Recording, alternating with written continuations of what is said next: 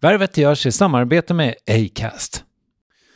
Värvet har ett samarbete med Telia, ett telekombolag som knappt behöver någon vidare introduktion. Det är ju Telia som till exempel driver 5G-utvecklingen framåt i Sverige och som har landets bästa nät enligt oberoende undersökningen Umlaut 2023. Ja, Telia är så förknippat med kvalitet att det liksom spiller över i världen i övrigt. Saker är Telia, eller så är de inte det. Nyligen uppstod det ett nytt ljud här i ateljén som jag inte förstod var det kom ifrån. Det lät så här. Det var inte Telia för mig som jobbar med just ljud, men efter lite detektivarbete visade det sig att det var någon slags bakmaskin som en, en trappa upp hade införskaffat och med en lätt justering av placeringen slutade den låta ner till mig. Att ta tillmötesgående grannar, det är Telia. En sak som verkligen inte är Telia för oss som jobbar med kunder också, det är när de inte får tag på oss. Det finns det dock bot på. Telefonväxeln Telia Smart Connect, en molnbaserad växel med extremt låga trösklar och massa smarta funktioner. När jag hörde vad Telia Smart Connect eh, kan göra tänkte jag, okej, okay, det där har ju ingen företagare råd med. Men den kostar otroligt mycket mindre än man tror. Så om du vill att ditt företag ska ha tid att jobba mer effektivt, missa färre samtal och ha mer flow i tillvaron, mer Telia helt enkelt, ja, då föreslår jag att du börjar på telia.se företag. Stort tack Telia och Telia Smart Connect. Altså når du sier at når jeg er åpen om mitt rusbruk, så får det meg ikke til å drikke mer. Tvert om. Det er jo ikke noen hemmelighet, så det, jeg kan gjøre det mens alle ser på, og jeg blir mindre tørst av den åpenheten.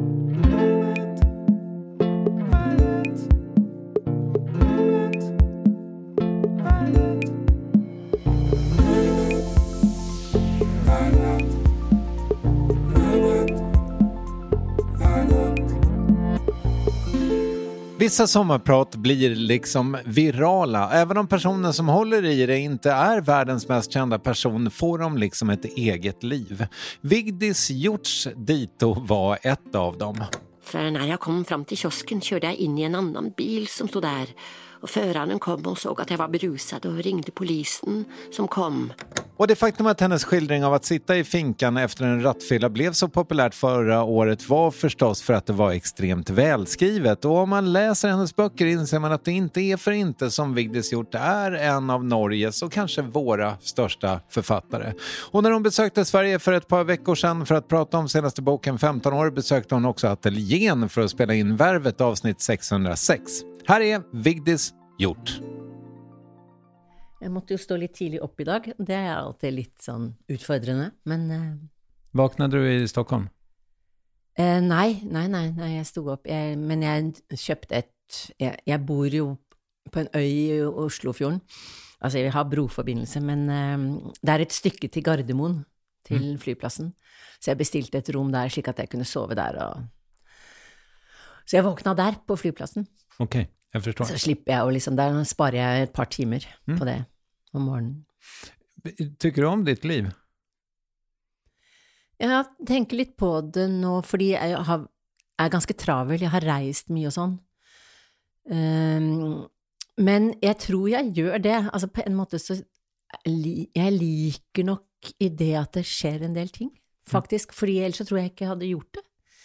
Så på en måte så kan du si at for eksempel sånn som i går, da, når jeg tar den beslutningen om at jeg skal mm, altså, spandere på meg selv et rom på et hotell på Gardermoen, uh, slik at jeg slipper å stå opp veldig tidlig, da føler jeg at et problem er løst. Og så begynner jeg å glede meg. Så setter jeg bort hunden, og så pakker jeg ned vin, og så kommer jeg opp, og så er det et fint hotell, og så tar jeg et glass i baren, og så Så det må jo være noe der at det er, jeg, det er liksom gang i det, på en måte, da. Mm. Ja, mm. så jeg, ellers så tror jeg nok ikke jeg hadde Jeg hadde nok ikke levd sånn hvis ikke jeg på en måte Hvis ikke det gikk i pluss. Ok. Mm. Men jeg kan jo ikke vite Det er jo liksom Det er noen som sier sånn pass deg slik at ikke du At ikke du Hva heter det? Du har tusen ord for det. Gå på en smell. Um, ja, bap, bap. Men jeg gjør ikke Foreløpig så går det bra.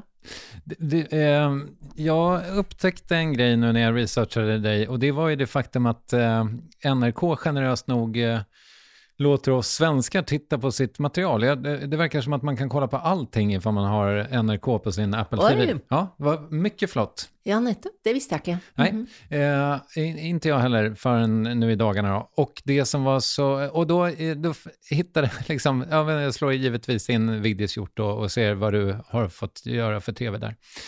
Och då, eh, det, dels är det lite kul, fan vad ni älskar talkshow i, i Norge. Det tror jag inte vi riktigt, alltså det är liksom, ja.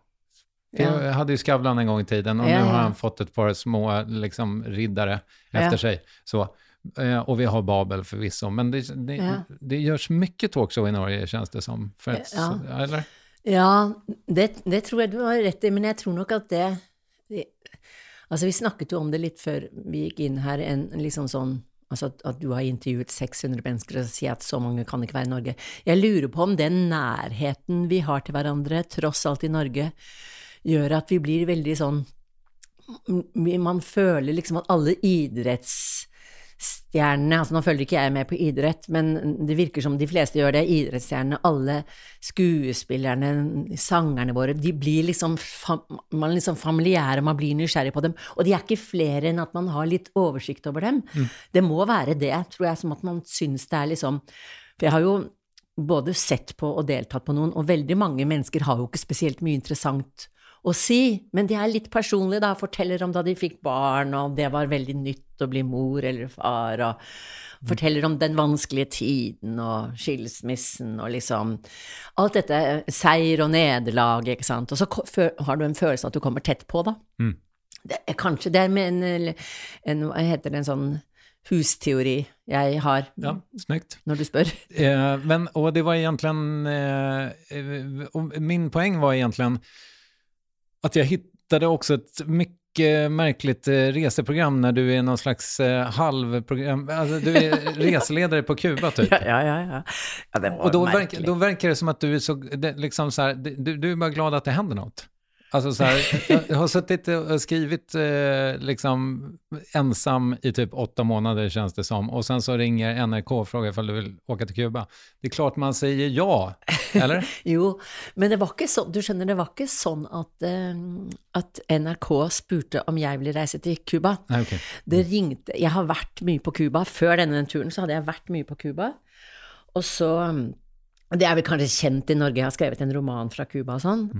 Så det var et sånt reisebyrå som lager sånn litt spesielle reiser, som spurte om jeg ville være med som en litt sånn reiseleder for en gruppe mennesker. Man kaller det liksom med litteratur på Cuba, da. Eh, Så kan jeg jo mye Cubas historie og sånn. Og Hemingway. Ja, Hemingway. Så, så, og så sa jeg ja til det, for da fikk jeg jo en gratis tur. 14 dager gratis med hotell og alt mulig sånt. Så det sparte jeg jo masse penger på, mot at jeg skulle fortelle litt om Hemingway, fortelle liksom ti minutter om Cubas historie og bidra litt. Så da sa jo jeg ja, selvfølgelig, til det, på grunn av at det, da slapp jeg å betale selv for en reise. Og så var det da et, et, et menneske en, um, i NRK som hadde en idé om å lage et program med meg. Og når hun hørte om dette, at jeg skulle til Cuba Jeg tror bare hun ringte og hadde en idé, og så sier jeg jo, men akkurat den dagen passer ikke, for da skal jeg til Eller den måneden passer ikke, for jeg skal til Cuba. Og så sier hun, men kan ikke jeg være med der? Så hun ville også bare ha ferie, gratis ferie. NRK betalte til Cuba antageligvis, ikke sant? Ja. Og dermed så ble denne en forunderlig tur. Forunderlig tur fordi Ja, for liten ting. Denne familien vi besøker nå, er tross alt ikke en vanlig cubansk familie, fordi at de har to sønner i Norge. Skal jeg bare fortelle litt om den Santaria-religionen? Nei, det var, ja, det var veldig eh, underholdende meg. Men det var jo ikke sant, det var noen mennesker som eh, hadde meldt seg alle slags typer. Vi var vel en gruppe på 25, og jeg som jo ikke er vant til å være i grupper, for jeg har jo, kan jo ikke det språket som smak, snakkes på en arbeidsplass. Sånn smalltalk som er liksom enten så Jeg sitter, jeg blir veldig fortrolig med én til én, liksom snakker med liksom venninner og sånn. Men ikke den derre litt personlige 'hvor var du i ferien'? Det, det er en dialekt jeg ikke kan. Og så plutselig så var jeg sånn Og det gjorde jo at eh, når jeg så denne gruppen med mennesker, og som da var, også var litt nysgjerrig på denne reiselederen med litteratur og Cuba og sånn, så fikk jeg jo bare panikk, og jeg skal være sammen med disse hele tiden, altså det, det går ikke, sånn, jeg må liksom gjemte meg, orket ikke sitte, gjemte meg i mine bøker, ikke sant, og prøvde liksom å drikke meg ut av dette, for da når jeg, klarer, når jeg drikker, så blir jeg sosial, da kan jeg liksom få det til, da. Mm. Så det var, jo, det, det var jo de som måtte guide denne guiden hjem om kveldene, ikke sant, mm. når jeg hadde løst mitt sosiale mm, problem. Så jeg husker at eh, de, de, på slutten der, når vi skulle dra hjem, så en Så sa hun som var virkelig reiselederen, som representerte reisebyrået, sier sånn Ja, vi skal ha en gratis testtur til et eller annet annet land, og så sier jeg bare sånn lakonisk Ja ja, er det noen som vil være med på festtur? Mm. Ikke sant? Men det slo ikke an. Den spøken slo ikke an. Nei, du fikk ikke fornyet fortroende heller? Eller? Nei. Men du, eh, det er jo noe med deg, for jeg, jeg tycker liksom at nå når jeg har vært i din verden um, de seneste ukene, så er det er noe med deg og resandet også på noe sett. Alltså, og jeg vet ikke kan du prata lite om vad resor gör med dig? För du, det, det, de är många känns det som. Ja. Eller i alla fall i dine bøker. Det kanskje ja. bare, du kanskje Nei ikke da, har, jeg, ja. jeg, jeg, reiser nok mye. Men, men det, det, handler nok noe om at, uh, at uh, når en bok publiseres, uh, så er det veldig Det har liksom blitt et mønster for meg at da reiser jeg bort. Da er jeg borte. Og det betyr, og da gjerne, altså, gjerne langt borte Jeg har hatt i 20 år en leilighet i Montenegro, akkurat solgt den, men en, og det er jo et sted hvor det ikke finnes finnes ikke svensker, det finnes ikke dansker, det finnes ikke skandinaver, bare veldig få. I hvert fall ingen nordmenn. Det går ikke noen direkteruter. Og det, da, da, er jeg borte fra alt. Det er veldig deilig å være det når en bok kommer ut. I gamle, altså Nå fins jo alt på nett, men jeg har ikke, har ikke hatt internett der heller, før de siste årene, selvfølgelig. Og det, det, da betyr det lite hva som står i norske aviser, for eksempel.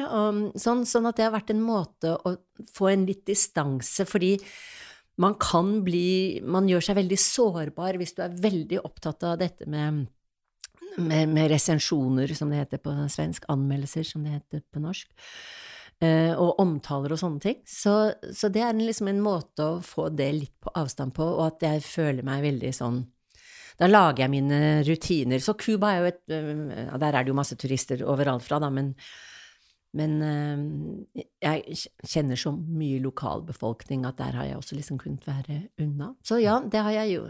Ja.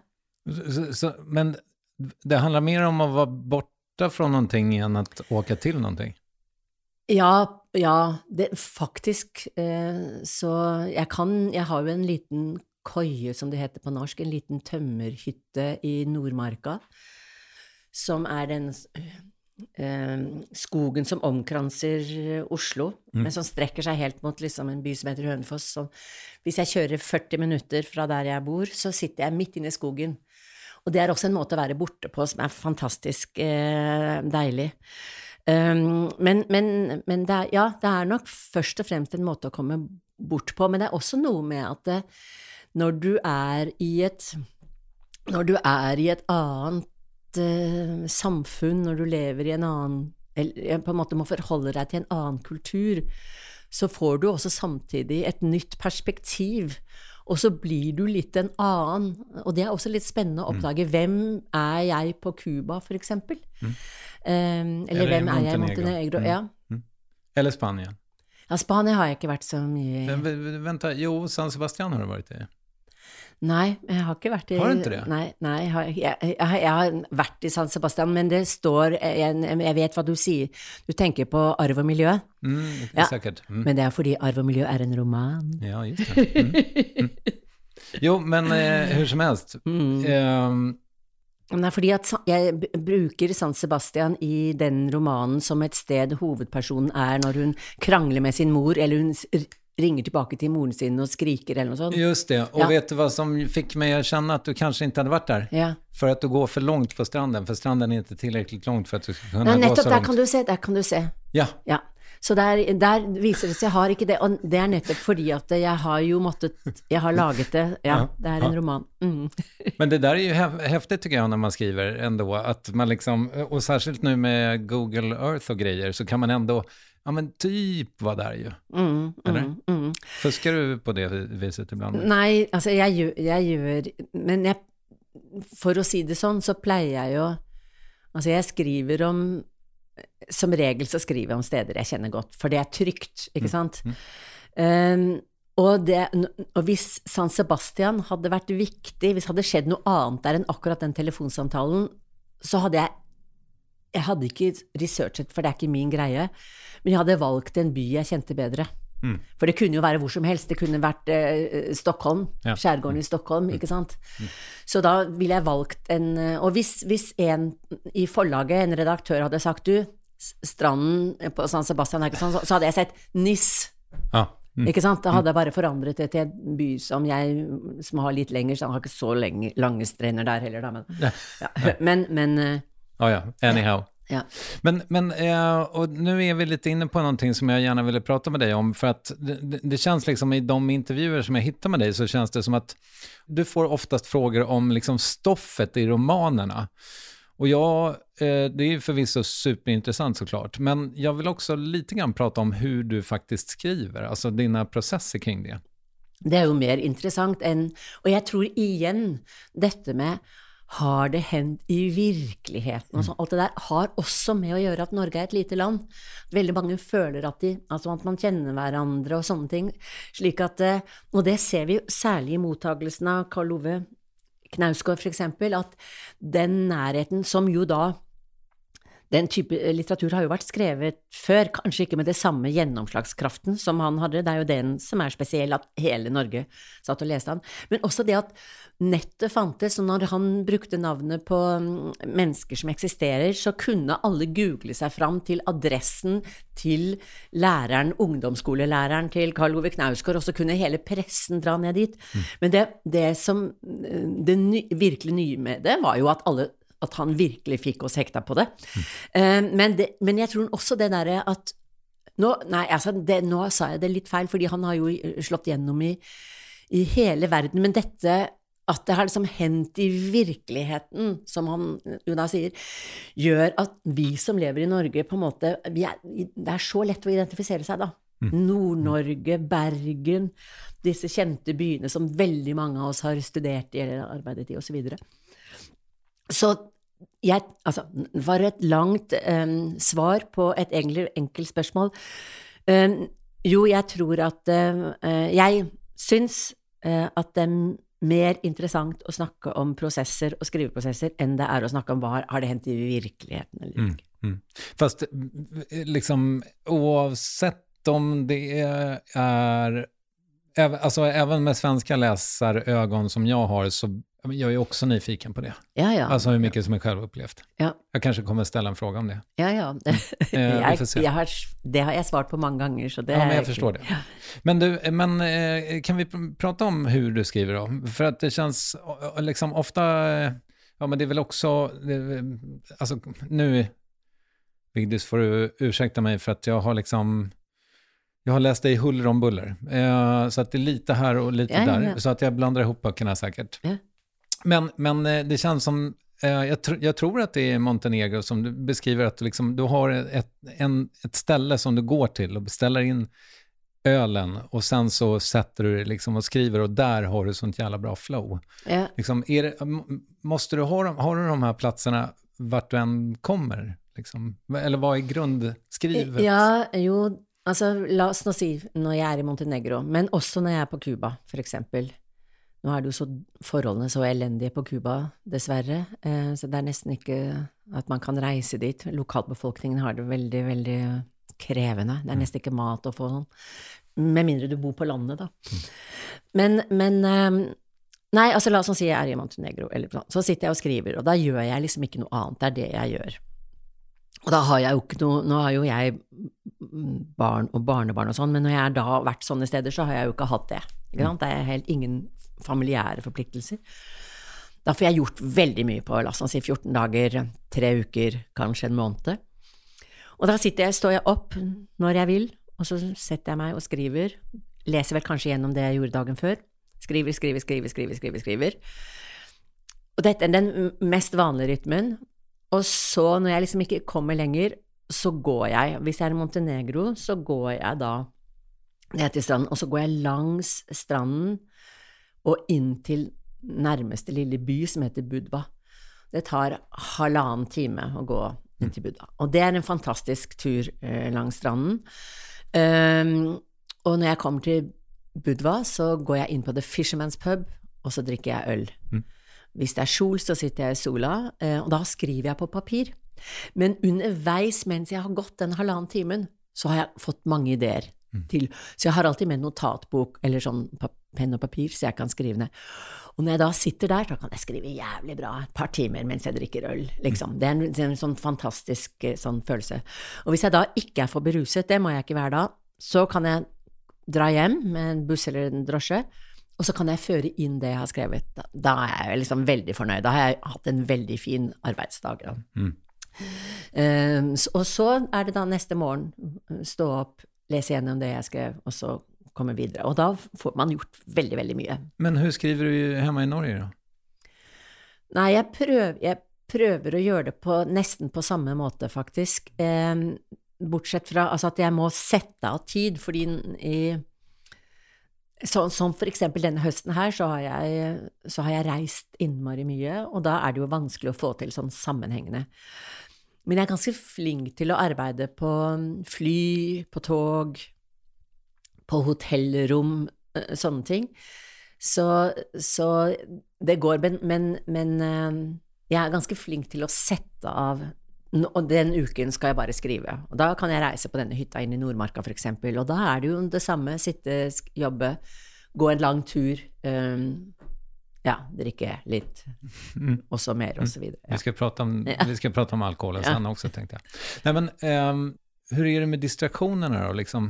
Altså, lyckas du fokusere under de her stunderna når du faktisk skriver? Ja, det, det syns jeg, altså. eh, på en måte så kan du si at det manuset jeg til enhver tid holder på med, det er veldig levende i meg. Så jeg kan jo bli litt sånn støvsuger, så hvis jeg Det lever i meg mens jeg gjør andre ting og sånn, slik at jeg kan Jeg får ideer, jeg kan notere ned. Sånn, og det, sånn at eh, jeg blir aldri fri fra det. Altså, det er som å ha selskap, da. Mm. Så det jeg, Ja, altså Så sånn jeg, jeg, jeg, kommuniserer med Jeg er i kontakt med det hele tiden. Mm. Og hvordan er du For jeg mener, altså, du er jo kjent eh, for din høye produktivitet, liksom. Du, du får ur deg en bok om året, åtminstone, va? Ja, om, om ikke én per år, så kanskje det blir det til sammen, Men det er også fordi at jeg begynte jo veldig tidlig. Mm.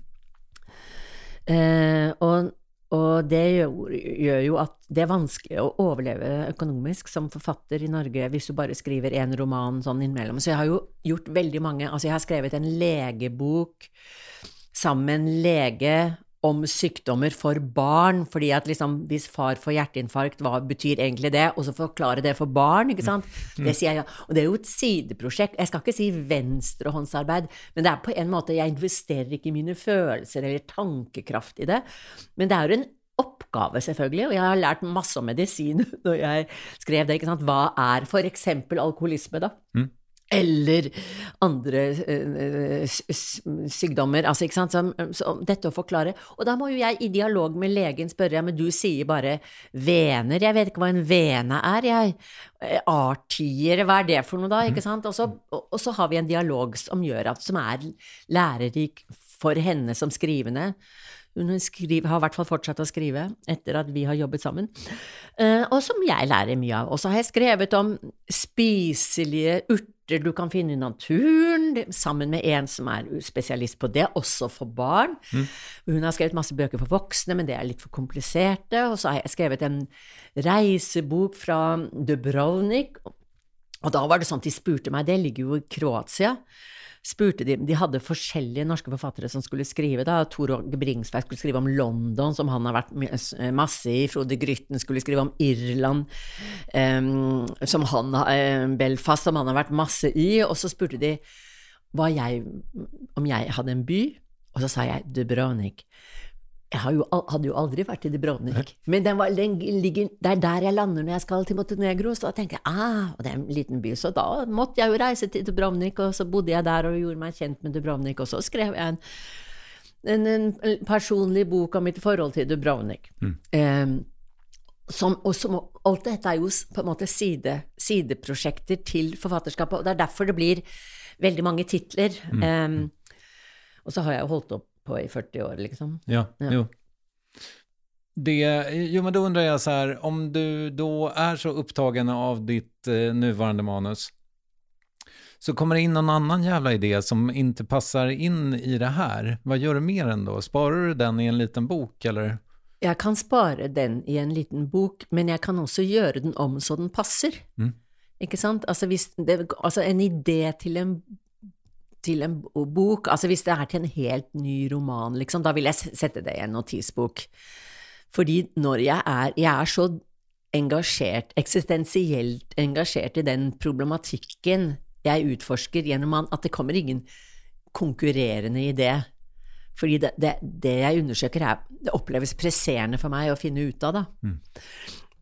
Så har jeg, jeg, har ikke opplevd at uh, det har kommet en idé som har konkurrert med med den jeg holder på med. Ok, men vem fan, jo, det var Lena Andersson tror jeg, som jeg tenker meg at ni har, viss, ja, ni har vissa berøringspunkter, kjennes det som. Um, eller? Jo, det er jeg enig. Ja, eh, takk. Eh, Herlig at du holder med for en gangs skull, eh, når jeg sier noe. Nei, men vad var det jeg skulle si med henne? Jo, hun hon var så här, när jag pratade med henne rätt nyligen, då sa hon att eh, ja, men jag måste ha, jag måste vara igång med något när min förra bok kommer ut. Och det antar jag ja, ja, handlar ja, om att man liksom, man vill inte man, tappa momentum, apropå det här med anmädelser och grejer. Liksom. Om de sågar en så vill man liksom, då vill man i alla fall vara på väg någon annanstans. Ja, ja, ja men det förstår jag. Är du likadan?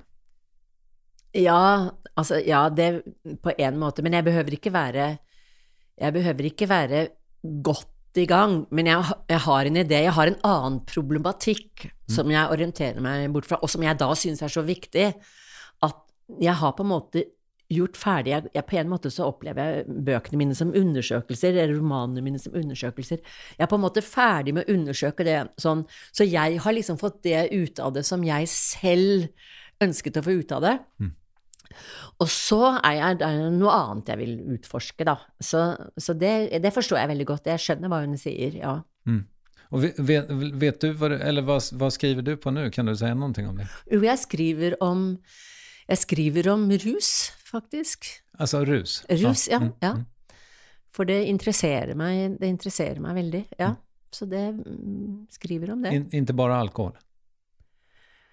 Nei, jeg øh, Alkohol er mitt rusmiddel, da, men, eh, men jeg interesserer meg for, eh, for, det eksistensielle ved å forandre mm, tilstand. Mm. Eh, jeg har jo forsøkt andre ting som de fleste har gjort, men det er, ikke, det er ingenting som konkurrerer med alkoholen hittil, altså. Mm.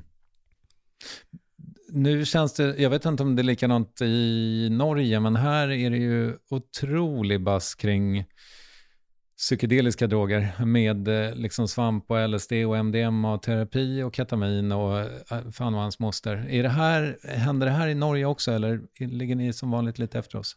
Jeg tror vi ligger litt etter dere, men Hanne Ørstavik um, Hun er norsk forfatter, veldig dyktig, um, en generasjon yngre enn meg, men, men um, hun er oversatt til svensk. men hun i sin nye uh, roman så skriver hun om en Hovedpersonen tar sånn MDMA. Mm.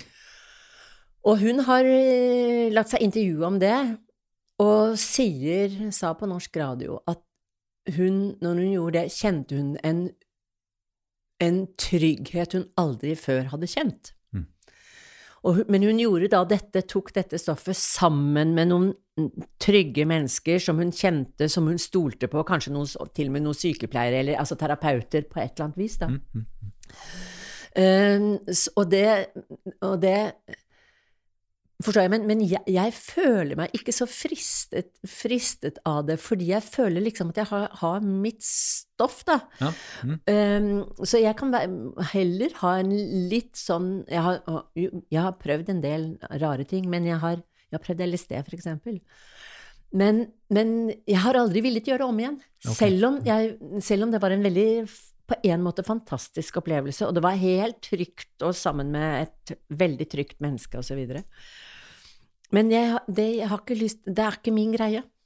Eh, og så er det også noe med Så da, mens jeg satt og ventet på at den liksom skulle virke, så var- jeg så tørst. Altså, jeg hadde bare det, Men det skal du ikke, fordi Og dette var sol, og satt ute, og klokken ble liksom seks, og jeg da faen nå, altså, sol, Jeg skal jo ha en øl. Nei, men da sier han jeg gjorde det samme, det Nei, da ødelegger det, det, det Da får du ikke opplevelsen. Og så endte det med at jeg liksom lå i flere timer og hørte på kirkemusikk, og med en sånn enorm følelse av at av, av, av ikke bare rommet, og eh, velvære.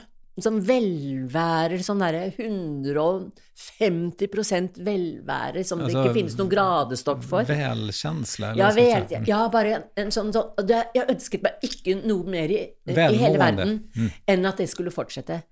Men jeg har ikke oppsøkt det igjen. Nei. Så, så det er eh, det, det krever også det krever veldig mye forberedelser. Altså det, det er liksom noe annet. Det er ikke avslappende på noe samme Nei, altså, jeg vet ikke. Nei, alkohol, det, den drogen kan du, så å si? Jeg kan den, jeg kan Mm. den og den krever ikke at, Og det er ikke, noe, altså det er ikke noe skummelt ikke hvis du tar for mye av et eller annet. Altså, det er noe fare forbundet med det. Og jeg, det er litt, jeg lurer litt på det. Jeg snakket litt med han som, som en kollega som liksom overtalte meg, holdt jeg på å si, eh, til å prøve. Men om det er Om noe av dette, hele den eh, Forberedelsene er en del av greia, ikke sant? Altså at det må, det må kjøpes, og det må kjøpes der på den måten av en som du stoler helt på. Og dette var da sant, altså, en legevenn, sånn. Eh, men det er ulovlig også, så det er litt spennende, og det er penger med i bildet, og så måtte man da ha liksom så og så mye frukt som man skulle ha, og så naturvin som man da skulle, når det begynte å gå mot slutten av denne rusen, så skulle man drikke naturvin, og så skulle man røyke litt hasj mot slutten der, og så måtte man da ikke ha noe å gjøre hele neste dag, og så var det denne kirkemusikken, ikke sant? Så dette var et sånt svært liksom ris- eh, rituale som på en måte, og det bare, det frista ikke meg igjen, jeg vil ha det snapt, og hurtig og enkelt. Man kan også bare ta en øl, så å si. Ja, ikke sant? Ja. Men, men, men man ja, altså, mm, jeg får jo ikke den følelsen av, av på en måte velvære, men jeg forsvinner, jeg blir akkurat passe bedøvet. Mm. Men du, vi, kan vi ikke rive av det her plasteret med alkoholen da? For jeg er nyfiken på det såklart. Eh, jeg, jeg pratet med noen venner vänner om det här. Om vi kunde komma på några svenska kvinnliga alkoholromantiker. Och då var vi liksom tvungna att leta oss tillbaka till Karina Rydberg som typ debuterade 1993 eller någonting sånt där. Och eh, hon, hennes bok, eh, Den högsta kasten, var väldigt liksom, den osade av den där alkoholromantiken. Men sen har det varit tyst i fan, vad är det, 30 år. Och du är så otroligt, eller eh, håller du med? Du är en alkoholromantiker, det kan vi väl slå fast? Ja, jeg vet ikke om jeg er romantiker, fordi okay. jeg, nei, fordi at jeg, nei, det, det vil jeg du- ikke si. Har du et problematisk forhold til alkohol? Ja, men man er jo alltid ambivalent til det man er avhengig av, Mm. ikke sant? Og jeg, jeg tenker at jeg er mentalt avhengig av det. Mm. Altså, eh, i hvilken grad jeg er fysisk avhengig av det, er jo litt vanskelig å vite, fordi at jeg Jeg satt jo 30 dager i Sandefjord fengsel. Da var jeg veldig spent på om om jeg ville altså, det var på en måte et bevis på at jeg ikke var fysisk avhengig, da. Jeg gikk ikke inn i noe abstinens eller mm. Avhengig skal vi si betyder beroende. Ja, ja, beroende. Ja. Några ord som jeg borde ha oversatt langs veien. Lege, eh, läkare. Eh, dro, ja. droske, eh, drosje. Drosje, taxi. Eh, taxi. Ja. Mm. Nei, så, eh, så det Så man eh, Fordi Altså, jeg mm, Nei, fordi at hvis man romantiserer, så lyver du jo for deg selv. Altså, det er ingenting jeg snakker mer med min lege om enn mitt alkoholforbruk. Eh, fordi det er, ikke sant, altså jeg tar leverprøver for eksempel, ikke sant, så Og hur ser de ut da? det har faktisk gått bra, eh, leververdiene er bra, men jeg tror nok at han, jeg tror, lurer på min lege, lekare, om han liksom egentlig ikke har trodd meg helt når jeg har liksom fortalt hvor mye jeg har drukket, da. Mm. Um, Han kanskje også elsker dine bøker? Og vil nei, inte, det tror jeg ikke. Vil ikke forandre noe? Nei, nei, nei. Okay. Det, han er ikke noen leser på den måten. Men, men, men jeg tror bare han antageligvis Kanskje ikke jeg ser ut som en som har et stort alkoholproblem, hvis man har en forestilling om hvordan Jeg vet ikke. Fordi når jeg da kom, og leveverdiene var fine og sånn, så var det fremdeles så tok jeg det opp når jeg kom til han om, om andre ting, da få en covid-vaksine eller hva som helst. Og så sier han ja, men jeg kan, kan ta noen andre prøver. Og det var noen prøver som viser hvor mye jeg har drukket den siste måneden. Okay. Og når svarene på alle disse svarene kommer jo inn på det som heter Helse-Norge, ikke sant, som er offentlig for alt. Og da fikk jeg plutselig en Fordi når vi sitter og snakker sammen, så er han Jeg skal ikke si for dette her, han kan jo miste jobben sin, holdt jeg på å si, men han har liksom ikke tatt det veldig alvorlig, liksom. Eh, og så har han sett hvor mye jeg har drukket, og da kommer jeg inn på Helse-Norge. Du drikker jo Det er jo helt forferdelig mye du, du, du, Ikke sant? Sånn. Fordi han måtte jo reagere offentlig og offisielt på de prøvesvarene, da, med en advarsel, ikke sant? Eh, så, men, men det gjør jo at eh, Nei, jeg, jeg, og jeg har jo jeg har jo sett hvordan alkohol kan på en måte ødelegge mennesker og sånn, så jeg, nei, jeg er ikke noen romantiker. Okay. Men jeg har nok altså, Hvis jeg skal komme deg i møte, så kan jeg si at eh, man kan, man kan, man kan ha det vel- veldig, veldig rolig når man forteller om drikkehistorier. Man kan ha drikkeviser, man kan synge Bellman, vi kan ha Altså alt det der. eh, som er f.eks. man gjør både i Cuba og på Montenegro, hvor du har en drikkekultur som er veldig altså balkanmusikk eller cubansk musikk med rytmer og mantara og sånn, ikke sant, og alt det der er jo Det kan jo være en form for romantikk i med to Når jeg kom til Montenegro, da, men altså Som jo da var like etter krigen i- forhenværende eh, Jugoslavia, eller vanskelige kår på, på Cuba, hvor det er på en måte en, en, en flukt og en måte å leve ut på, osv. Så, videre. så der kan man nok ha en tendens til å romantisere, men man kaller det også flukt, da. Eller man er klar over hva det er. Mm. Du fick en fråga, jag tror inte att det var i svensk tv, jag tror det var i norsk tv, som var typ så här att du är så transparent med det här.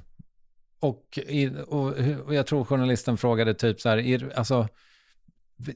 alltså, borde du kanske inte liksom ja, men, downplaya det här lite grann? Men då, då, du hade ett ganska bra svar på det, för det var typ så här, ja fast om jag skulle ljuga om de här grejerna, så här, det, det känns som en så här knepig väg att... Jo, men da, det, jeg gjør meg jo selv da veldig sårbar.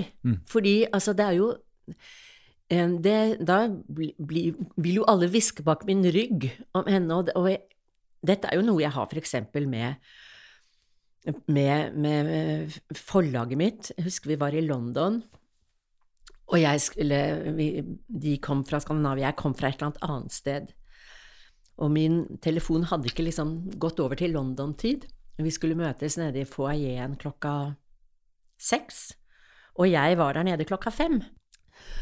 Uh, og så skriver jeg at uh, Nei, er, er det, hvor er dere, liksom? Jeg sitter nede i foajeen. Og så skriver hun tilbake Nei, men klokken er Klokken er uh, bare fem, Vigdis. Um, for jeg, da, jeg skulle møte alle mine forleggere. Dette var på Bookfair på London. Jeg skulle møte alle forleggerne mine fra hele verden. Og jeg skulle holde en tale. Og de skulle, det var litt formelt.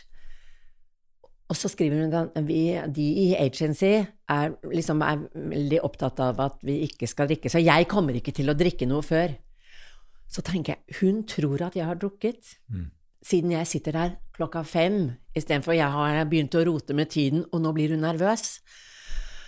Og da fant jeg liksom Og det, for, det fornemmet jeg, men jeg, sånn, og, men jeg drikker aldri før jeg skal på scenen. Rett og slett fordi det ville gjort meg mer urolig. Mm. For da ville jeg blitt urolig for at jeg Og da, og da er jo jeg sånn at jeg forstår det på dem, at, og da føler Akkurat som jeg føler at jeg er litt full selv om jeg ikke er det, liksom.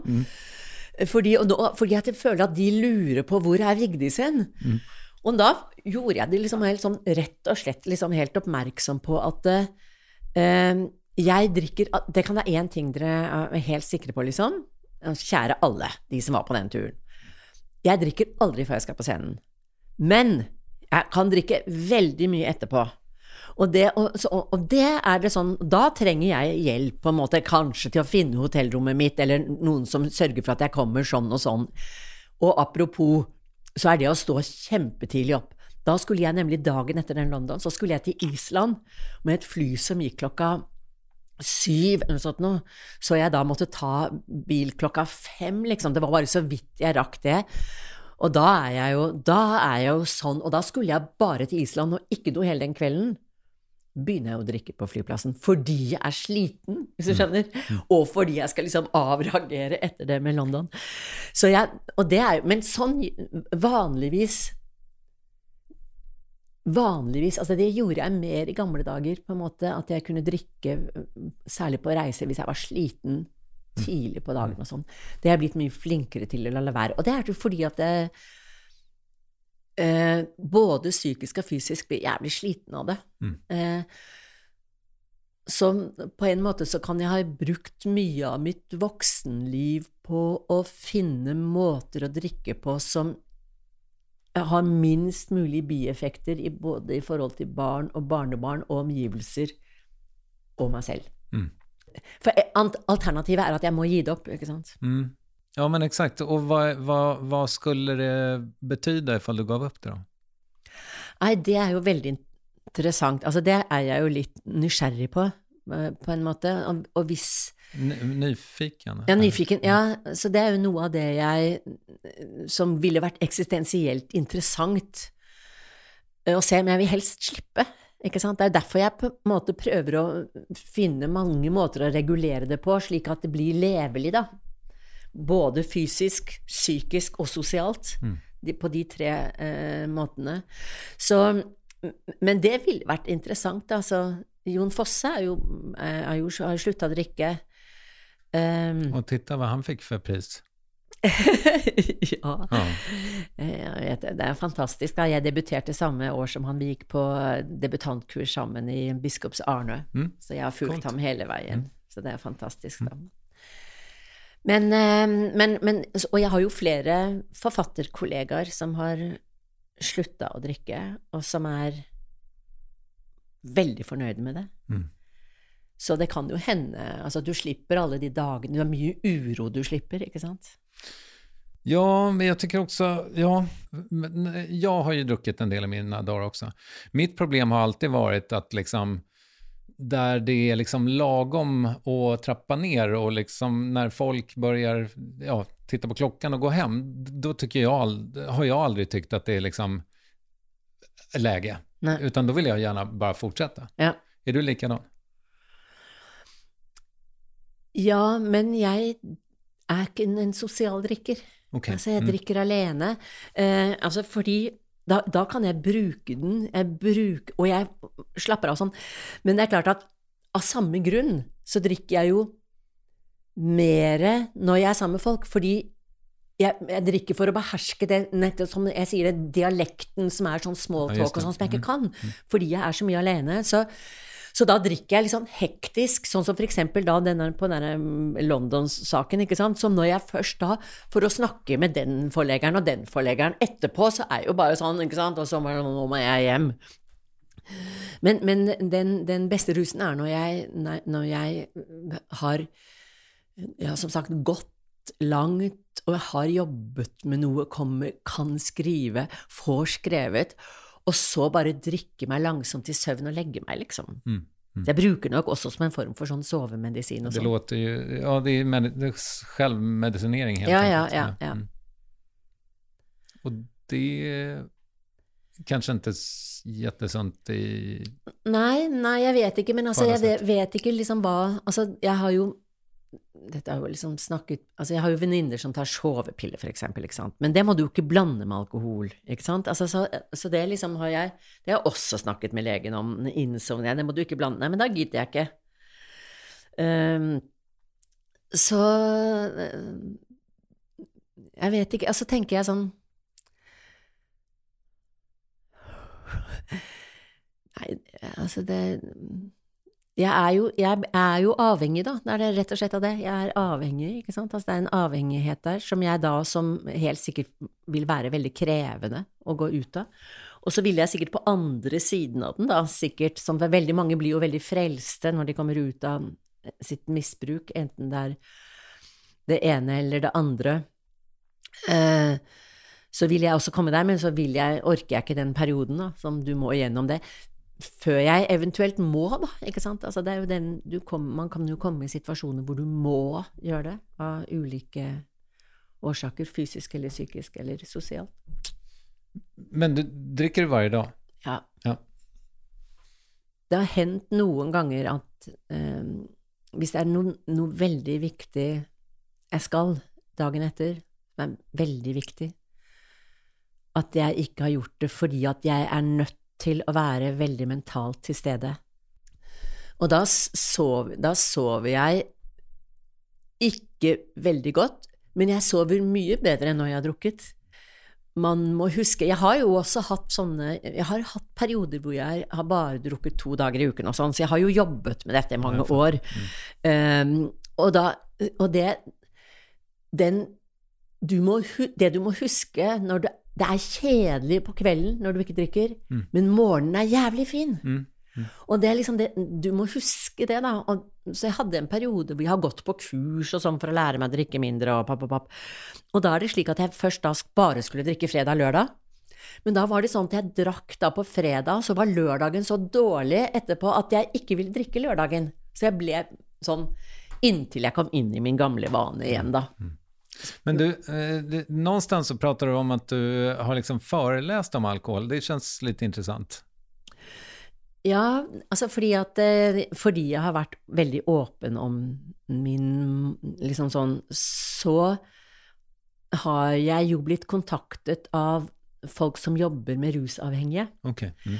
Fordi det er veldig mye av de historiene som Altså Som viser på, på disse her, de som har jobbet på både narkomane og, og alkoholikere og sånn, så er det jo veldig sånn historie om hvordan du kom ut av det. Men hvis ikke du anerkjenner hvilken sorg det er for den rusavhengige å miste sitt rusmiddel, så tar man det ikke på alvor. Ikke sant? Altså, det er et stort tap. Eh, og det, så det er det, Ja, det er bedre på den andre siden, kanskje, når du klarer å komme ut av det, og særlig tunge narkomane, selvfølgelig, som lever på gata og sånn. Men det er også en stor, stor sorg. Det er et stort tap, og det må man, det må man ta på alvor. Eh, for å forstå, og da må du også ta på alvor hvilken stor glede, hvilken følelse av ro det gir, en følelse av inspirasjon. Altså, du må ta hele den oppsiden på alvor for å kunne jobbe med det seriøst, da. Og det kan jeg nok. Og så er det jo også det at du kan At um, når, først når man på en måte liksom erkjenner hvilken psykologisk effekt eh, det har, at hva, hva du rommer psykologisk, så kan, er det også noen andre måter du kan komme i kontakt med det samme på. For eksempel, for eksempel ved Jeg sier jo at er en, en, skriften er også en måte Selvfortellingen um, er viktig. Altså for, for å si det på en annen måte, så kan du si at det,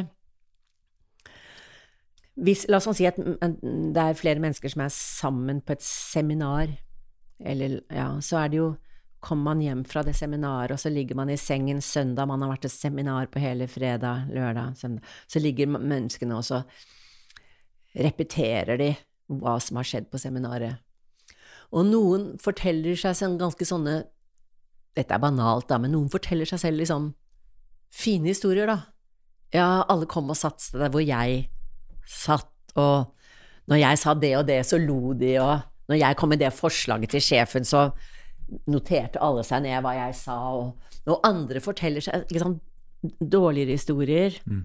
Han gikk når jeg kom, og når jeg kom med et forslag, var det ingen som noterte, de begynte å snakke om andre ting. Altså, så, de, å forstå at disse selvfortellingene bare løselig er forbundet med den såkalte virkeligheten. Og den dep det deprimerte mennesket er en som har veldig negativ selvfortelling, men den, det er en enorm energi. Det er en enorm kreativitet mm.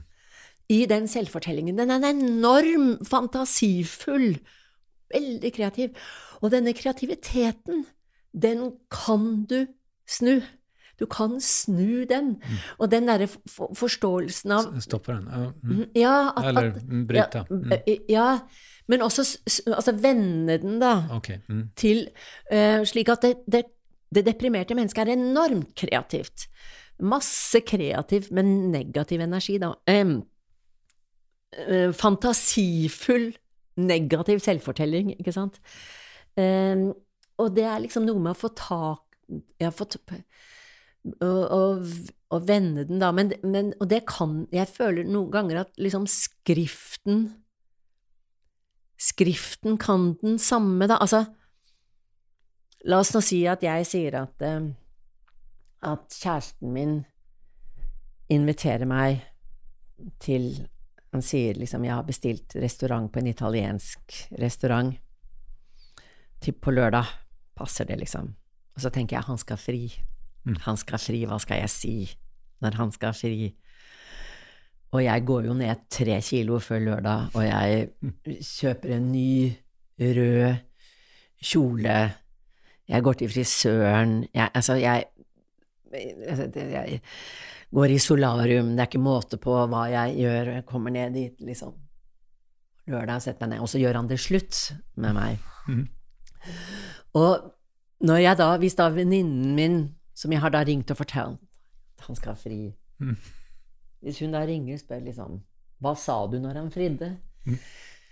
Så når jeg da skal Så er, vil kanskje mange si sånn Ja, nei, men altså jeg ble egentlig Jeg sa nei, eller vi ble egentlig enige om at det skulle Det er jo mye morsommere hvis jeg forteller om min forventning, mm. om min røde kjole. Min, min, eh, mitt solarium, min frisør, at jeg hadde bantat. Mm. Sånn, da får jeg henne til å le. Mm. Da får jeg henne til å le. Og så klarer jeg å le litt selv også. Mm. Og hele det der med å fortelle om sine nederlag og sine ulykker. Og vi forteller hverandre så sjelden om våre forventninger fordi det er liksom pinsomt om de ikke blir innfridd. Nei, det er jo kilde til latter om de ikke blir innfridd. Så det, du hører jo veldig folk komme sjelden og si sånn 'Jeg har søkt på en ny jobb, jeg håper jeg får den, å, jeg er så spent, jeg er kjempespent'. De fleste vil bare si sånn 'Ja, jeg vet, den betyr ikke så egentlig så mye', og sånn, eller sånn. Eller 'Jeg håper jeg får den prisen', altså, å, å, det vil bli ja, altså man, man, altså man, skal dempe seg og ikke sånn. Men det blir jo jævlig mye morsommere på lærerværelset mm. om man både forteller om sine store forventninger som det ikke blir noe av, og om sine skuffelser, og hva man har håpet på som ja, at han skulle fri, men det skjedde ikke. Så det er liksom et Vi kan gi oss Vi kan sette oss selv litt mer fri, da, og jeg tror kanskje at rustrykket kan avta en smule ved det, og jeg tror for eksempel, da, altså når du sier at når jeg er åpen om mitt rusbruk, så får det meg ikke til å drikke mer. Tvert om. Jeg tror på en måte Altså, det, det er jo ikke noen hemmelighet, så det, jeg kan gjøre det mens alle ser på, det er sånn Ja, men sånn er Vigdis, nå er hun ferdig med jobben sin, og så er det ikke noe Så skammer jeg meg ikke etterpå. Så behovet for reparasjon blir jo mye mindre. Ja. Mm. Fordi jeg rett og slett ikke har lure på om noen snakker bak ryggen min, eller Jeg må ikke drikke i smug, liksom. Så jeg gjør, det mye lettere for meg selv, og jeg blir mindre tørst av den åpenheten.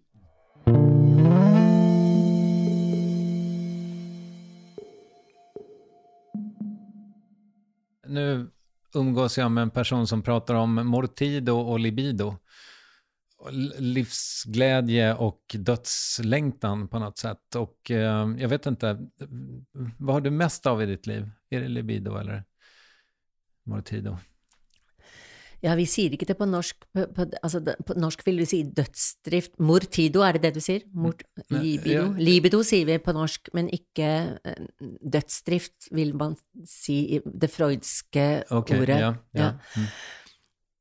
Det er litt vanskelig å si, men altså, hvis libido er ikke bare kjønnsdrift og kjærlighetsdrift, men Mm. livsglede, Ja, sånn, ja. så tror jeg nok at eh, jeg har eh, kanskje litt mer dødsdrift. Vi tror Hvis jeg skal analysere meg selv, sett litt utenfra, så tror jeg ville si at det var mest dødsdrift. Men jeg har jo, jeg har jo en, et høyt aktivitetsnivå. Det kan jo kanskje tyde på at jeg Men jeg lurer jo også på om dette aktivitetsnivået også er en måte å forsvinne på.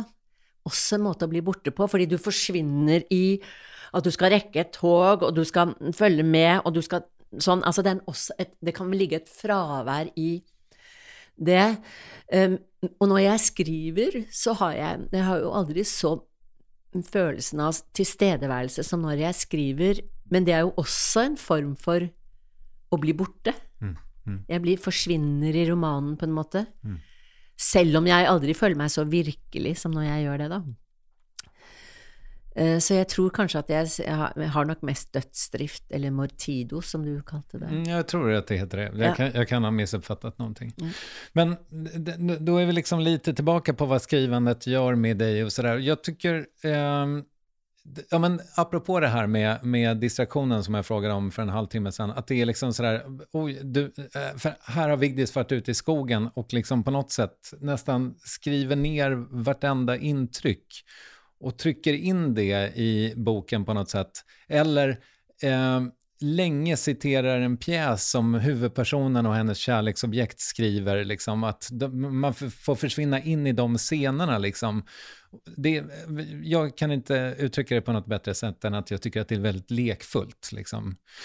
Kommer de där, är det som jag tänker, att de där delarna kommer någon annanstans ifrån, eller är det liksom bara ett långt jävla flöde för dig? Wow, vilken lång fråga. Nei, nei men, men jeg tror jeg skjønner hva du mener, men jeg tror nok at at eh, Altså at det, det beror på Avhenger av Avhengighet, beroende, ja. Mm. At det beror på at, hvis, at jeg følger mine hovedpersoner, mine hovedkarakterer, veldig tett. Eh, og som regel så har de ofte en sånn lekfull side. Mange av dem er jo kunstnere, for eksempel, ikke sant? Og kunstnere, de holder jo på med rare ting, eller har utstillinger, eller skriver skuespill, ja. Og av og til samarbeider med andre, og synger en sang, eller lager et vers. Og eller går i skogen og mediterer, på en måte. Så det handler nok om at hvis jeg prøver å være tett på et liv, så hører dette med i de fleste menneskers liv, da. Mm. Mm. Så jeg, ja, så jeg tror det er det. Mm. Så det, når, jeg, når jeg skriver eksempel at, at Jeg vet ikke om det er i den som heter Om bare, Mm. eh, at du har lest at disse skriver et skuespill, hovedpersonen. Ja. Ja, sånn, så, er jo, så er jo det at eh, At eh, Jeg har jo skrevet en roman med en kjæreste, jeg. ikke sant? Som var en del av det å være eh, kjærester, det å samarbeide, å være sammen om noe av en helt egen tetthet som kommer når man samarbeider på den måten, som jo ikke alle gjør, for å da beskrive graden av også intellektuell, ikke bare seksuell og erotisk, men også intellektuell eh, samhørighet, da. Fan var den eh, otroligt stark leseopplevelse för mig för övrigt. Eh, om, om man någon gång har liksom ens varit i närheten av ett destruktivt förhållande så är det smärtsamt att läsa den nu. Ja, nå er det lenge siden jeg har lest den, men jeg kan jo innrømme noe litt interessant, da. Um, men eh, det er morsomt, da, fordi da jeg begynte å skrive den romanen, da het den Kjærligheten som tålte alt. Det var arbeidstittelen på den, Kjærligheten som tålte alt. Og jeg var jo til sammen med en veldig kjent litteraturprofessor i Norge i mange, mange år. Så vi var et kjent i Vi hadde skrevet roman sammen, vi var kjent i det litterære livet. Så når den romanen kom, så var det nærliggende at folk trodde at det handlet om Og et brudd, da. Det handler om et brudd etterpå. Så jeg var klar over at folk ville tenke det. Og det var han også, selvfølgelig. For jeg begynte jo på den, og den arbeidstittelen var som sagt Kjærligheten som tålte alt. Og da spurte jeg han Arild, hva vil du hete i romanen? Og så sier han jeg vil hete Arnold Busk, for det er en sånn stor bokhandlerkjede i Danmark. Den største bokhandel i København like på strøket, heter Arnold Busk. Så han heter Arnold Busk. Og så eh, kom romanen ut da. Altså, det den ikke tålte, den kjærligheten, var jo at jeg gikk den etter i sømmene, og så hvordan det begynte, og så alt, og mønster og sånn som man på en måte eh, fant ut av nå, når jeg Så det ble i hvert fall, det ble i hvert fall se, den sommeren før det ble slutt, så hadde jeg gitt han Tove Ditlevsen, som er en sånn stor leseropplevelse for meg, som skriver veldig tett på sitt eget liv. Og hun har skrevet en bok som heter Wilhelms værelse, om sin store kjærlighet, Viktor. Og så har, har jeg gitt den til Arild, så Arild sitter ute i min hage og leser den, og så sier han fy faen, hun Tove Ditlevsen, hun er tøff, tøff i trynet. Mye tøffere enn deg. Så tenkte jeg, bare vent, bare vent. Og så kom den, så kom den ut, da, selvfølgelig, og, og alle visste jo at jeg tenkte at det var hos oss. Men jeg visste jo at Arild Lindeberg hadde skrevet så mye tett på sin Han har skrevet bok om sin egen skilsmisse, alt. Jeg visste at han ville ta dette pent. Og det gjorde han selvfølgelig. Han fikk lese manus først og sånn. Og så, men så eh, skulle han intervjue meg et par år etterpå. Så skal han intervjue meg på Etter at den kom ut, så skal han intervjue meg på Lillehammer i for, på en festival i forbindelse med noe helt annet. Og så sier han sånn Du, Vigdis, den derre mannlige hovedkarakteren i den, uh, i den romanen uh, om bare han vil ikke jeg like å møte i en mørk gate en sen natt, ikke sant? Ha, ha, ha, ha. Men nå kommer poenget. Jeg fikk nettopp en mail fra han, fra Arild, for han er, han er gift på nytt, men vi er gode venner. Kjære Vigdis, jeg har skrevet en roman. Den heter Bare om Arnold Busk, fortalt av ham selv. Oh, wow. Den kommer snart. Oh, wow. Så det er interessant. Ja, jävlar. Får vi se. Uff. Ja. Nei, men det blir Jeg tror det, det blir Jeg er veldig spent på de erotiske scenene. Och nu ställer jag då frågan hur, liksom, hur nära verkligheten ligger den där boken? Men nå er det så lenge siden jeg, det er så lenge siden jeg har lest den og forholdt meg til den. eh, Men jeg tar, eh, som regel så tar jo jeg utgangspunkt i noe som er mitt eget, et dilemma, som jeg undersøker. Men jeg ville aldri skrevet en roman om det, eller undersøkt tematikken, hvis jeg, hvis jeg trodde jeg var alene om det. Og det jeg undersøker i den romanen, det er det tror jeg de aller fleste som opplever et veldig sterk kjærlighetshistorie som går i stykker, eller som utvikler seg veldig destruktivt, de spør seg selv når begynte det å gå galt? Når var det liksom Når begynte det, det, det som førte til slutten? Når begynte slutten? Og da vil antageligvis Dette vet jeg ikke, dette er noe av det jeg undersøker. Kanskje ligger begynnelsen til slutten allerede i det første møtet. Kanskje ligger begynnelsen til slutten i de ulike forhistorier, i de tidligere kjærlighetsforhold.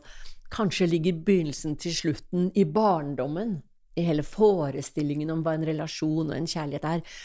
Det er det jeg undersøker. Og så har jeg da et, da et, Hadde jeg flere forhold som har gått i stykker, Ja. så det spørsmålet var allment. Og så hadde jeg da opplevd et, et, et forhold som var mer intenst fordi eh, de to deler eh, Deler, eh, holdt jeg på å si, ikke yrkesliv, men det, det, det er sammenflettet. Altså, eh, akkurat som to musikere kanskje har et annerledes relasjon enn hvis en musiker og en prest er sammen, for eksempel.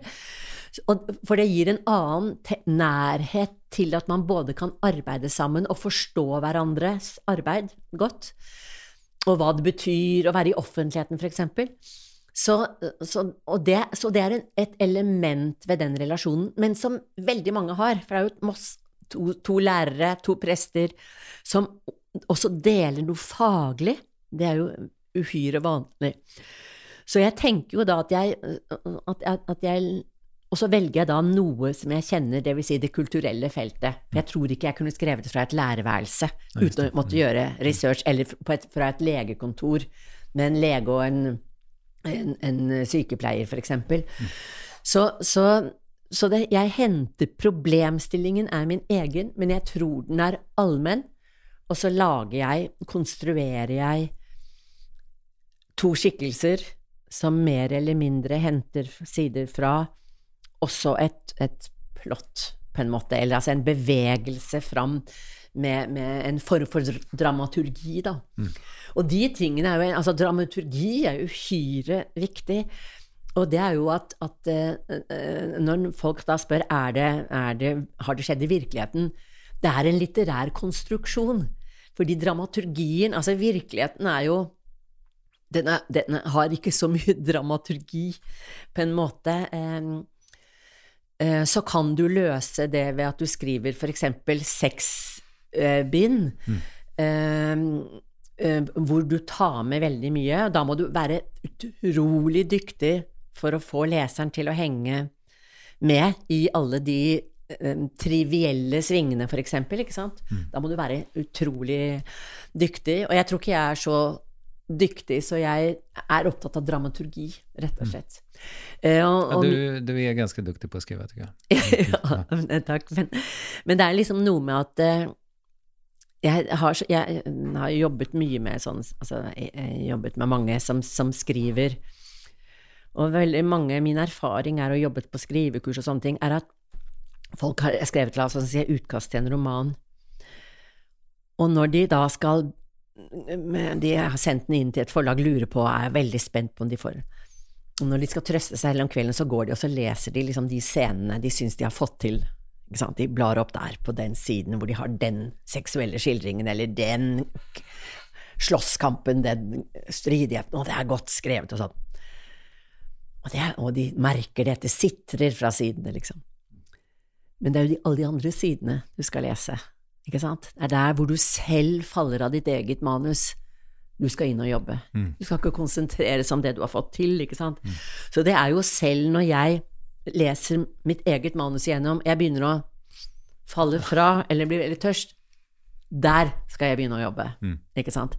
Eh, og, der, og der er det nok at, at at dramaturgi kommer inn da, tenker jeg. Så, det, så derfor, men det jeg prøver å si veldig langt, og, og det er at uh, ja, det kan ha elementer fra virkeligheten, men det er en litterær konstruksjon Jeg skaper litterære konstruksjoner. Vet du var boken slutter når du begynner? Nei. Jeg kan vite Jeg kan vite noe. Eh, eh, jeg kan vite noe, jeg kan ane det, og jeg kommer nok til et visst punkt hvor jeg vet dramaturgisk hvordan det skal slutte, men jeg kan ikke vite den siste scenen eller de siste ordene eller hvordan jeg En form for avsluttende oppsummering eller et eller annet sånt. Og nei, det vet jeg ikke. Nei. Og det tror, det tror jeg ville kjedet meg hvis jeg visste det, men Det finns inte så, det, det är liksom ingen, du har ikke post-its, så att säga? Nei, fordi at jeg undersøker. Jeg undersøker, så jeg vet jo ikke helt hva jeg skal finne ut av, rett og slett. Det er interessant, tycker jeg, for at, jeg menar nu när du eh, kom hit så, nu, nu hade jag så mycket som pågick i mitt liv så jag lyssnade på Om bara, bara om. Om jeg ble forvirret. Ja, Bare om heter min, og så er det han som heter Min heter Om bare, og så er det Ari Lindeberg som heter Bare om Arnold ja, Busk. Eh, hur som helst, jag, jag lyssnade på den. Och den, det är ju så otroligt, jag tycker att den är så otroligt smärtsam och ändå vill jag liksom vara kvar i din värld när den är slut. Liksom. Har du någon aning om själv hur du, hur du skapar det? Nei eh. Nei, men jeg tror jeg, Nei, hvis jeg skal gjette på noe Fordi at jeg tenker ikke på at Jeg tenker ikke på at Eller liksom skaper det, men det er, i min undersøkelse så må jeg være helt ærlig. Jeg må ikke være Jeg må liksom ikke Jeg prøver ikke lyve for meg selv, for eksempel. Jeg husker i den boken så er det liksom noen som ble liksom jeg ble på en måte anklaget fordi noen må ha lest den selvbiografisk, da. Fordi det er, det er en scene Jeg bare husker det nå fordi at jeg husker den anklagen. Det er en scene hvor hun Ida Heier er jo veldig, veldig forelsket i han Arnold Busk, og så er hun så redd for hun at når hun skiller seg, at barna skal komme inn i hennes seng. For de skal ikke venne seg til å ligge der, fordi hun venter jo på en måte på elskeren som skal komme.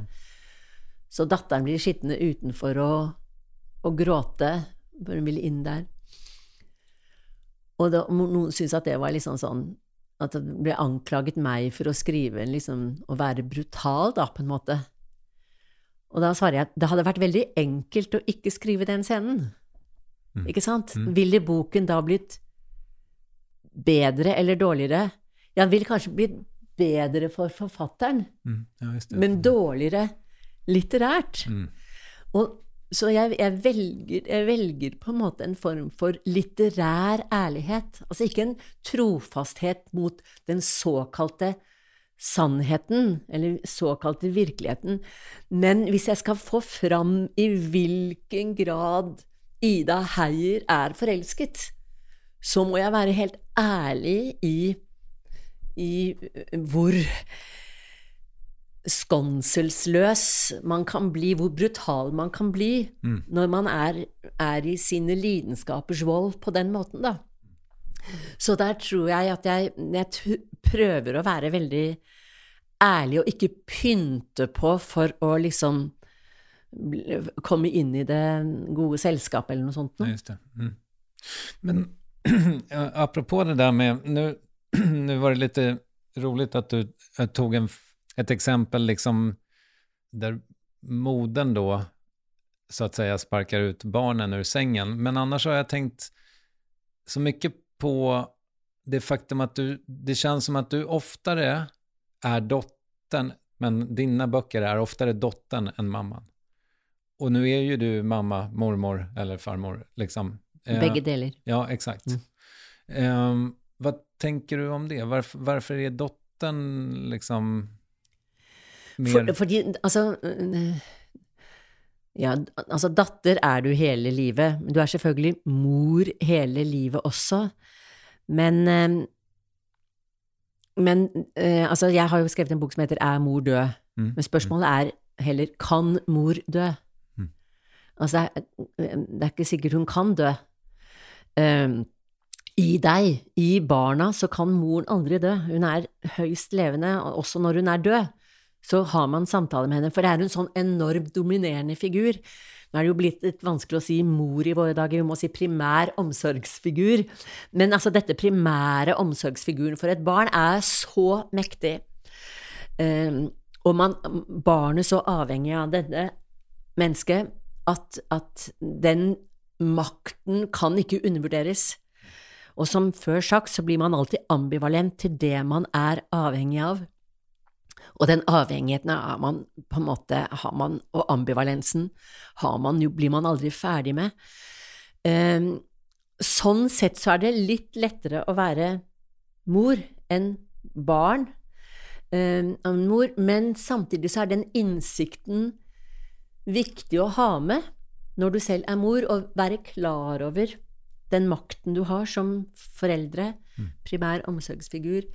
Um, og, og, også den ambivalensen og sårbarheten som barna har i forhold til, um, forhold til det, da. Um, så, så, sånn sett så, så, vil jo jeg alltid være en datter, og alltid en mor, mormor, farmor.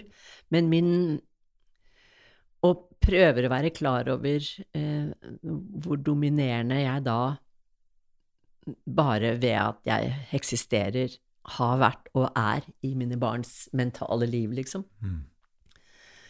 Det er jo en litt overveldende erkjennelse. Mm. Nej, men för, eh, liksom, även din senaste roman som du är här och signerar nu och som du ska prata om ikväll på, på uh, Kulturhuset antar jag. Det kretsar ju också kring dottern så att säga. Mm. Och, och förhållandet till liksom, hur det då krackel, mamman krackelerar så att säga. Mm. Mm. Nei, men altså, jeg er jo nok opptatt av det punktet i et barns liv hvor det, forst, altså hvor det utvikler et nytt blikk på familien. Fordi de fleste barn, med mindre de opplever veldig voldsomme ting, som de gjør i Gaza nå, for eksempel, at, at, uh, at uh, liksom at, en, at man, barnet føler en form for trygghet i at i gjentagelsen, i rytmen, at julen kommer hvert år, at man har tradisjoner, alt skal være som det er. Det er liksom en sånn tilvaro, som man sier på svensk, som er trygt å tenke på sånn. Og så kommer du et tidspunkt hvor barnet, nesten alltid et eller annet tidspunkt, får et ytre blikk på familien sin, og da forandrer noe seg. Og det kan være litt sånn sjelssettende, det øyeblikket når man får et nytt blikk på alt. Og i den eh, romanen 15 år så skjer jo det ved at at um, Paula, som hun heter nå, vil hun være, er 10-11, kanskje 12 år, oppdager, når hun kommer tilfeldigvis over et av morens halvskrevne brev til mormoren, ser at moren lyver. Ja, visst. Mm. Og selv om det ikke er en veldig alvorlig løgn, men så handler den løgnen om Paula, og da kommer jo store eksistensielle spørsmål. Hvorfor lyver mor? Er hun ikke fornøyd med sitt liv? Er hun ikke lykkelig? Er hun ikke fornøyd med meg, tenker Paula, siden hun lyver meg bedre for mormor. Mm. Eller skrekk og gru, er mor mer datter av mormor enn hun er mor for meg? Altså, alle sånne spørsmål av en bitte liten ting kan endre så mye i, i forhold til et barns tankegang, og etter hvert så når hun får denne erkjennelsen og forstår dette, disse spørsmålene full, først er stilt hos henne, blir stilt som følge av dette, så utvikler hun jo seg nesten til å bli en spion mm. i den egne familien. Mm. Um, og til slutt en aktiv spion. Mm. Men du, betyder det her at Fan, det, det her er en interessant spørsmål, syns jeg, i alle fall for meg selv. Men har det vært lettere for deg å være forelder enn å være dotter?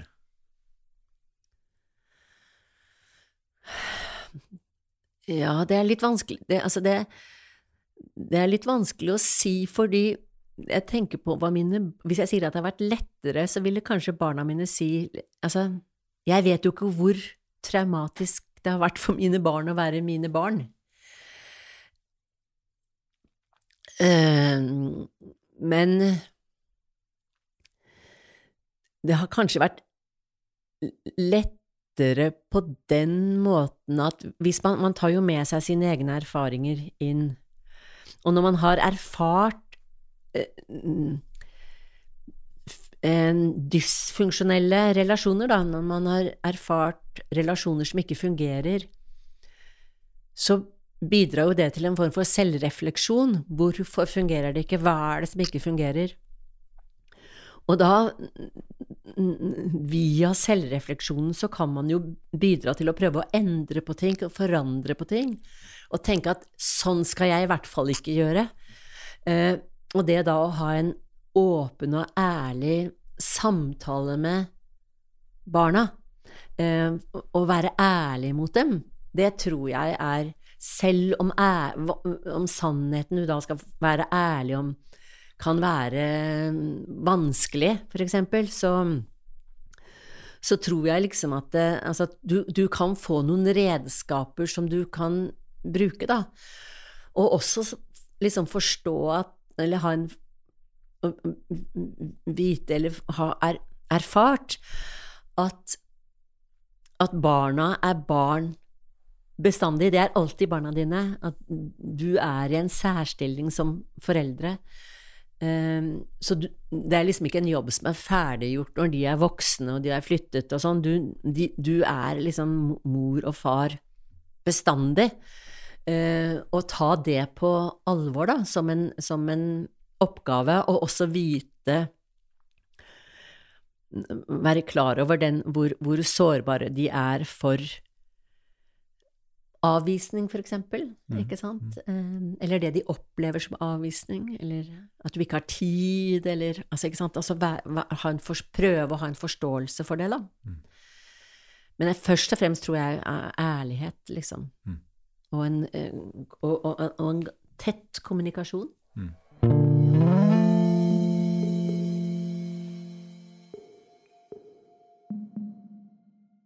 Vigdis, eh, du är någonstans lite, alltså sådär, om du hade varit svensk så hade du kunnat gå i pension relativt snart, tror jag, om jag har räknat rätt. Vad, vad tänker vad ska du göra med resten av din tid? Nei, altså Det var jo denne demenstesten som jeg skal ta om jeg klarer å komme meg til hotellet. Ja. Vi skal åt samme hold, fast just det, jeg måtte være kvar en stund. Ja, ja, ja nei, men jeg, det er jo den testen jeg skal. Jeg vil gjerne ta den. Mm. Uh, nei, altså jeg håper jo at jeg kan fortsette å skrive uh, så, så, lenge som mulig, liksom. Mm. Uh, og så, så det, det, håper jeg jo, og det, der er man jo så heldig som forfatter at det er jo ikke noe Så lenge man huet fungerer, så kan man jo gjøre det. Ja, hue og hender og sånn.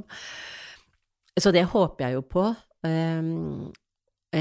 og ja, vi er jo så glad for uh, for um, Jon Fosse, eh, som jeg var på debutantkurs sammen med på Biskops Arnøy ja, i Sverige. Du, du har nevnt det. Jeg har nevnt det, ja. Mm. Men, men, vi har også en annen veldig, veldig stor forfatter, Dag Solstad, okay. som jo er over 80 år og fremdeles skriver, ikke sant, altså, og, og er glimrende, så, så jeg, jeg ja, jeg syns det er liksom at, at eh, en, en, mann på 80 kan være så vital i sin skrift og i sitt hode som han er, det gir, er veldig inspirerende. Mm. Så det blir eh, en bok om året til du er 80? Ja, det, altså det, det, vet jeg ikke, det vet jeg ikke. Jeg må jo ha noe å si også, da, noe jeg lurer på, noe jeg skal forske i og sånn. Mm. Um, så det, og man, kan, man, vet jo aldri hva som skjer rundt neste sving, men hvis, jeg, hvis, du spør om hva jeg håper på, så håper jeg å kunne være og arbeide flere år. Ja, det håper jeg på. Mm. Men har du håp om framtiden? Ja, det må man jo prøve å ha, men jeg syns det ser veldig skummelt ut nå. Altså, det er Jeg syns det er, er med, med, altså, krig på europeisk jord, og så en, en krig som vi jo alle forholder oss veldig sterkt til, fordi det er selv om den ikke foregår i Europa, så er den et resultat av europeisk politikk.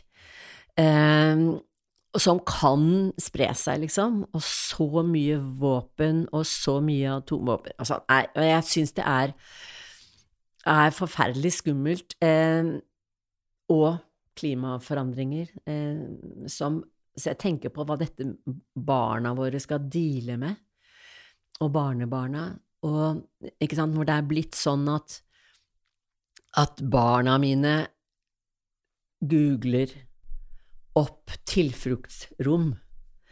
Eh, I tilfelle Ja, noe mm, skulle skje. ikke sant? Skydderom. Mm. Ja. Og finner ut at det ikke er noen der, fordi det, vi har, det har vært så Vi har hatt Vi har trodd på at handel og økonomi og utveksling skulle løse veldig, veldig mange ting, og noen har det vel også løst, men eh, Nei, så vi, vi lever jo i en tid hvor myndighetene i Norge, sikkert også i Sverige, anbefaler at du skal ha så og så mye mat, så og så mye proviant, primus med gass hvis elektrisiteten går, lommelykt, batterier osv. Så, videre. så ja, hva er det for tider vi lever i? Ja, men hvordan skal vi sluta på en positiv not? Har du hatt det bra her hos meg?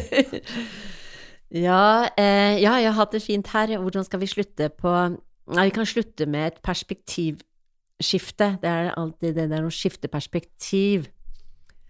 Og da kan jeg sitere Tu Fu, for det er veldig sånn For det, vi, det er mye vi ikke kan gjøre noe med, men vi kan skifte perspektiv. Wittgenstein sier vi trenger ikke mer informasjon, men nytt perspektiv på det som allerede foreligger. En som Nytt perspektiv på ting, det er Tu Fu, kinesiske vismannen som levde 700 år etter Kristus. Han sier et sted, og det tenker jeg på de tidene vi lever i. Nabofruen, nabokonen, hva heter det? det? Granfruen. Granfruen. Nabokonen til venstre for deg er en tyv. Hun stjeler fortsatt grønnsaker i kjøkkenhagen din. Hun er selvsagt fortsatt enke. Barn vokser langsomt. Og som du vet, så har krigen gjort de fattige fattigere. Jeg syns ikke hun skal være så redd for deg når hun stjeler. Jeg syns ditt nye gjerde er altfor høyt. Det er å skifte perspektiv, og da tar jeg et annet dikt også av Bertolt Breist, som er skrevet Han var, opplevde første verdenskrig som ung, så jo hva som seilte opp. Når Hitler og Stalin begynner å snakke sammen, skriver han to setninger. Han skjønte hva som kom. Regjeringene skriver fredsavtaler. Lille mann, skriv testament. I 1936–37 så ble trygdene redusert i Tyskland fordi man skulle ha penger til krigsindustrien. Da skriver han et lite dikt. Jeg er en gammel kone.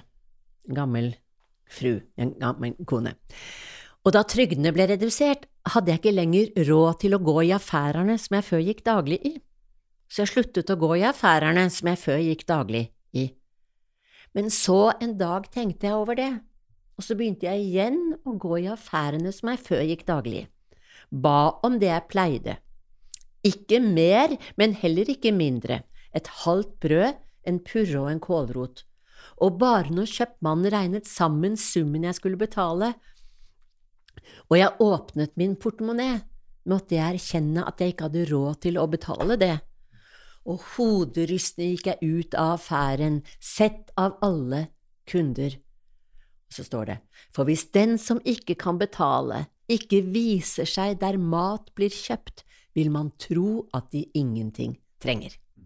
Og det er jo en revolusjonær handling denne konen gjør. Um, og det er sånn stimulerende at jeg kan forandre min egen holdning. Tenk hvor, hvor pinsomt vi syns det er hvis det står kort avvist på Ja, terminalen. Mm, mm. Det er en revolusjonær handling. Da avslutter jeg positivt med Tu var Brest, den førnevnte Brest, skrev om Tufu.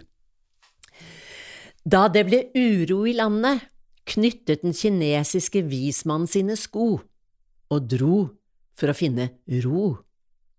På et tidspunkt møter han og gutten pojken som drar oksen hans, en toller som spør om de har kostbarheter å fortolle. Og gutten svarer ja, han har vært lærer. Og tolleren blir nysgjerrig og sier å, fant han ut noe? Ja, svarer gutten. At det veike vannet i bevegelse, det veike betyr svake, det veike vannet i bevegelse med tiden beseirer den mektige steinen. Du forstår, det harde taper. Så vi kan jo avslutte med det at vi håper at det harde taper. Takk for at du kom. Og hyggelig å være her.